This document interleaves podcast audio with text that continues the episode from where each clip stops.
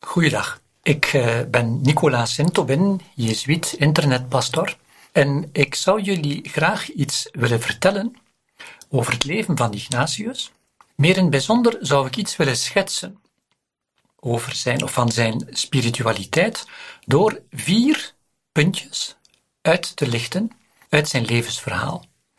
Ignatius van Loyola, de stichter van de Jezuïeten, geboren aan het einde van de 15e eeuw, geleefd vooral in de 16e eeuw, gestorven in 1556, heeft kort voor zijn dood een autobiografie gedicteerd. Een verhaal van zijn leven heeft hij gedicteerd aan een medebroeder, waarin hij enkele belangrijke punten, momenten uit zijn leven op een heel sobere manier verspreid, uh, beschrijft. Het verhaal van de pelgrim heet dat boekje. En ik zal daar vier puntjes kort uit vermelden. In het verhaal van de pelgrim begint Ignatius met te vertellen over zijn ziekbed. Zijn spiritualiteit en zijn ommekeer, zijn persoonlijke bekering, heeft plaatsgevonden op een ziekbed. Hij is uh, zwaar gewond geworden in een veldslag en heeft daardoor een jaar doorgebracht op een ziekbed in het kasteel van Loyola, waar hij herstellende was. En daar heeft hij eigenlijk een heel bijzondere ontdekking gedaan. Hij is daar, zonder het echt te beseffen, beginnen bidden. Hij is daar beginnen bidden met bijbelverhalen en met heilige levens, die hij las in een boekje waar allerlei verhalen over heiligen werden verteld. En hij begon zich eigenlijk met zijn verbeelding die heel sterk was, in te leven in die verhalen. Die verhalen met Jezus, van de apostel Petrus, die allerlei zaken meemaakt met eh, Jezus. Of hij ging doen zoals, of hij dacht, hij beelde zich in van te gaan leven zoals Franciscus van Assisi, of zoals de heilige Benedictus, eh, weet ik veel. En geleidelijk aan begon hij ook aandacht te geven aan de gevoelens die bij hem opkwamen. Ignatius was een heel wereldse, ijdele kerel, die leefde eigenlijk van oppervlakkigheid. En tot zijn verbazing merkte hij, terwijl hij daar maanden op dat ziekbed zich steendood lag te vervelen, dat als hij in die verhalen kroop en zich inbeelde dat hij zou leven met Jezus, zoals Petrus, of zou leven zoals die heiligen hadden gedaan, dat hem dat een vreugde schonk, een rust, een kracht, een gedrevenheid, die van een totaal andere orde waren dan al het plezier en de opwinding die hij voordien al gekend had. Anders uitgedrukt, Ignatius begon eigenlijk te ontdekken dat onder die bovenste laag van oppervlakkig leven, waar hij al bijna dertig jaar mee bezig was, dat er ook nog een diepere laag in zijn leven was. En dat die diepere laag, die diepere gedrevenheid, maar ook en vooral die diepere vreugde die hij daar ervaarde, dat die hem tot zijn ongelooflijk grote verwondering eigenlijk uitnodigde om op een behoorlijk radicale wijze Jezus te gaan navolgen. En de bijzondere genade die Ignatius ontvangen heeft, is dat hij die hele diepe gevoelens die hij in zijn biddende hart op het spoor kwam, dat hij die ook effectief ernstig is gaan nemen en dat hij zijn grote levenskeuzes en de eerste levenskeuze was om zijn luxe leventje te verlaten, om een pelgrim te worden op zoek naar God, wel dat hij die gevoelens ernstig is gaan nemen. De diepere affectiviteit als vindt plaats voor datgene waar God mij toe uitnodigt. Dat is het eerste puntje dat ik zou willen benoemen. Uit die ervaring die Ignatius beschrijft in dit boekje Het verhaal van de pelgrim. Een tweede ervaring is van een heel andere orde en kan eigenlijk wel een beetje vreemd klinken. En als Ignatius ze vertelt, is het niet, denk ik, omdat hij zichzelf als voorbeeld wil stellen, want de scène die ik nu ga noemen, ik denk dat Ignatius daar helemaal niet fier over was. Maar de zoektocht van een mens, het leven van een mens die eerlijk zoekt, brengt hem met vallen en opstaan dichter bij God. Ook met vallen. Ignatius vertelt ook over dat vallen. Hij vertelt dat na zijn bekering, als hij het kasteel van Loyola al verlaten had, hij op een dag op een ezel, want zijn been was zo zwaar gewond dat hij moeilijk kon gaan, reed hij ergens heen en hij ontmoet wat hij noemt een moor. Was dat een moslim of was het een bekeerling? Het was niet zo duidelijk. In elk geval, met die man raakt Ignatius aan de praat. En Ignatius, die vol was van Jezus, ook van alles wat met het christelijke katholieke geloof te maken had, gaat met die moor in gesprek ook over Maria, die een hele sterke plaats innam in de persoonlijke devotie van Ignatius. En heel snel komt er spanning tussen die twee. En Ignatius wordt heel boos, omdat die moor een, ander, een andere visie had op de persoon van Maria dan Ignatius. En die moor, die merkt dat Ignatius zo boos wordt dat hij werkelijk schrik krijgt. En ze komen op een splitsing en de moor neemt de afsplitsing om niet meer met Ignatius verder te moeten gaan. En Ignatius gaat verder op zijn ezel en hij begint zich de vraag te stellen, maar verdorie, die man daar, die heeft daar onze lieve vrouw toch beledigd, vond Ignatius. Dat kan niet zijn. Ik mag de eer van onze lieve vrouw niet ongestraft op een dergelijke manier behandeld uh, laten. Ik moet terug. Alhoewel, hij was niet zeker. Ik moet terug. En waarom? Om met zijn dolk die man te lijf te gaan. En hij zit voor een dilemma. Wat moet ik doen? Welke keuze moet ik maken? Moet ik bij de volgende afslag rechtsomkeer maken en die kerel terug opzoeken om hem een kopje kleiner te maken, want dat zou het geweest zijn, of moet ik gewoon rechtdoor? En hij raakt er niet uit. En uiteindelijk zegt hij: Oké, ik kan de beslissing niet nemen. Weet je wat? Ik laat de beslissing over aan de ezel. Ik laat de ezel beslissen of die naar links of naar rechts gaat. En gelukkig maar, de ezel nam de andere weg, waardoor die ontmoeting en die vechtpartij met de moor geen plaats meer heeft gevonden. En iemand schreef ooit een artikel over Ignatius, die eerst gehoorzaamde aan de ezel, om vervolgens te gaan gehoorzamen aan God. Want dat is eigenlijk de reden waarom Ignatius dat vermeldt, die vreemde dat vreemde incident in zijn autobiografie.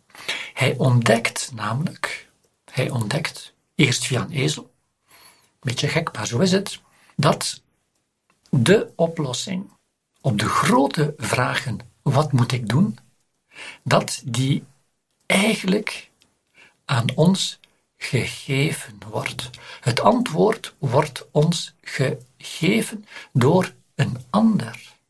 Het antwoord wordt ons uiteindelijk gegeven door God. Niet dat die ons op een dwingende manier bij onze lurven grijpt en zegt: Jij moet dit, jij moet dat.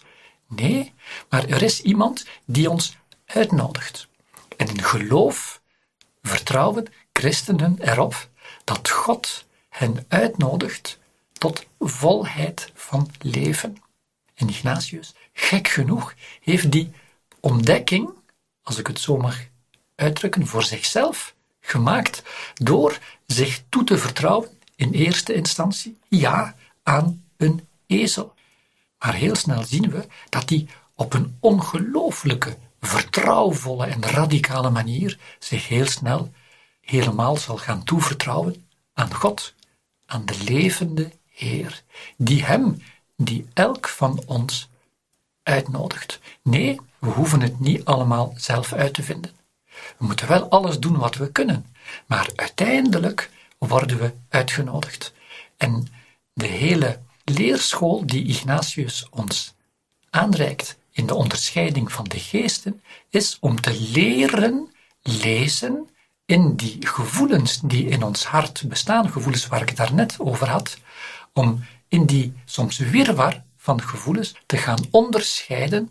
Wat is het nu waar God mij toe uitnodigt? Want Hij nodigt jou, Hij nodigt mij uit. Op elk ogenblik tot meer leven. En elk op zijn, haar wijze. Dat was het tweede puntje dat ik wilde noemen. Nu het derde. Het derde is ook iets heel bijzonders. Kan eigenlijk een beetje lachwekkend overkomen, inderdaad. Maar eigenlijk is het iets heel mooi en heel ontroerend. Als Ignatius genezen was, heeft hij een tijdje een kluizenaars bestaan geleid. En daarna wilde hij met alle geweld, wilde hij echt naar het heilig land. Hij wilde naar Israël. En hij is daar ook heen gegaan. Hij wilde naar de plek waar zijn grote vriend, Jezus, geleefd had. Waar die geboren was, gestorven was, waar die geademd had, geëten had, met mensen had samengeleefd, waar zijn voeten op de aarde hadden getrapt. Hij wilde gewoon daar zijn, op de plek waar zijn zijn ongelooflijk sterke vriendschap met Jezus misschien nog meer zou kunnen groeien. En nu, het Heilig Land, Israël, was toen bezet door de Turken. Dus het was heel moeilijk voor christenen, het was mogelijk, maar onder hele strikte omstandigheden, om daar rond te reizen. Hij gaat naar Israël, hij gaat naar Jeruzalem. En op een goede dag gaat hij naar de berg Tabor.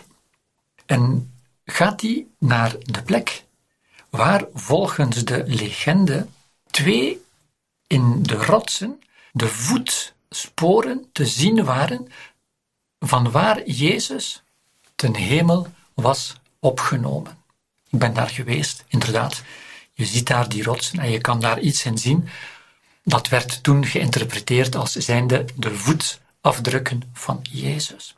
En voor Ignatius was het ongelooflijk belangrijk van daar zijn eigen voeten in te kunnen zetten. Hij die voordien zo hoofdse redder, wel, zijn vriendschap met Jezus was zo sterk, hij wilde alles, alle herinneringen aan Jezus, wilde hij ook kunnen aanraken. Oké, hij gaat daar naartoe, hij kijkt daarnaar, hij bidt daarnaar, hij, hij is zo gelukkig. Maar dan, hè, vermits die plek eh, bewaakt is door Turken, weet ik veel, hij moet uh, weg. En hij gaat weg. En dan ineens, als hij een paar honderd meter weg is, maar dus eigenlijk niet, geen rechtsomkeer meer mag maken, komt hij, beseft hij, verdorie, ik ben vergeten te kijken in welke richting die voetstappen waren. Waar Jezus met andere woorden naar keek, naar het oosten, of naar het westen, naar het noorden of naar het zuiden, terwijl hij ten hemel opsteeg. Je zou kunnen zeggen, man, ben je nu helemaal uh, Nee, dat zegt iets over die ongelooflijke, passionele vriendschap van Jezus, van Ignatius met Jezus. En wat gaat hij doen? Hij gaat de wachters die hem eerst tegenhouden, nee, je mag niet meer terug door, je bent er al geweest, wegwezen, gaat hij omkopen met een schaartje dat hij nog in zijn broekzak had, in zijn, in zijn weinige bagage. Hij geeft hen dat schaartje en dan mag hij toch nog heimelijk even terug door om nog snel naar die rots te gaan om te zien in welke richting Jezus gekeken had terwijl hij ten hemel werd opgenomen. Nee, Ignatius was echt niet van lotje getikt.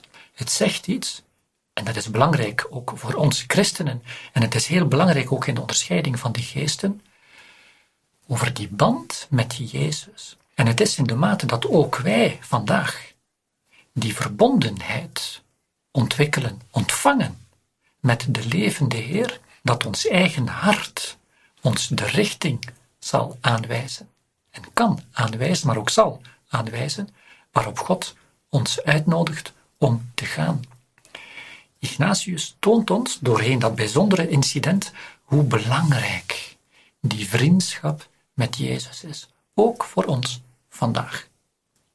En dan kom ik bij het laatste dingetje dat ik wil vermelden uit het leven van Ignatius. Ignatius heeft deze autobiografie gedicteerd aan het einde van zijn leven. Aan het einde was 65 jaar als hij gestorven is. Hij is gestorven één of twee jaar na het dicteren van deze autobiografie. Nadat hij dus 35 jaar heel intens gebeden had. Ignatius heeft heel veel gewerkt, als bestuurder, algemene overste, maar begon elke dag met twee uur stilte. En heel regelmatig ook blikte hij al biddend terug op zijn ervaring, om steeds te zien in zijn biddende hart, dat hart geëikt op de persoon van Jezus, dat biddende hart, om te zien in welke richting het wees. Wel, aan het einde zegt Ignatius dat hij zo'n intense band met God ontwikkeld had, dat waar hij ook was, wat hij ook aan het doen was, hij steeds onmiddellijk die verbondenheid met God, met de levende Heer, kon, als het ware, activeren. Ignatius leefde in een voortdurende verbondenheid met God.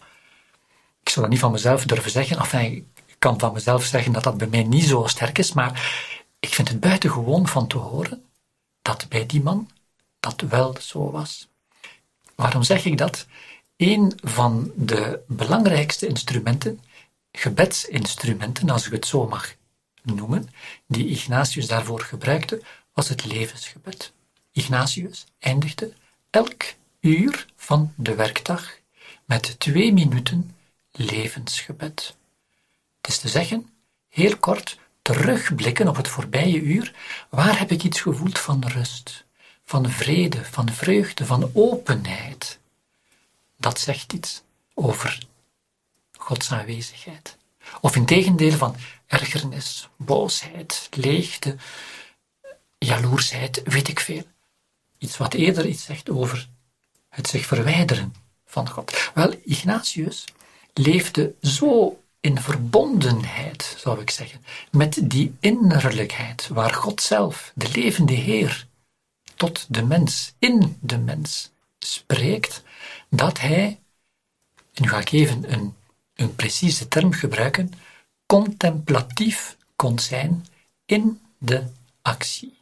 Contemplatief in de actie.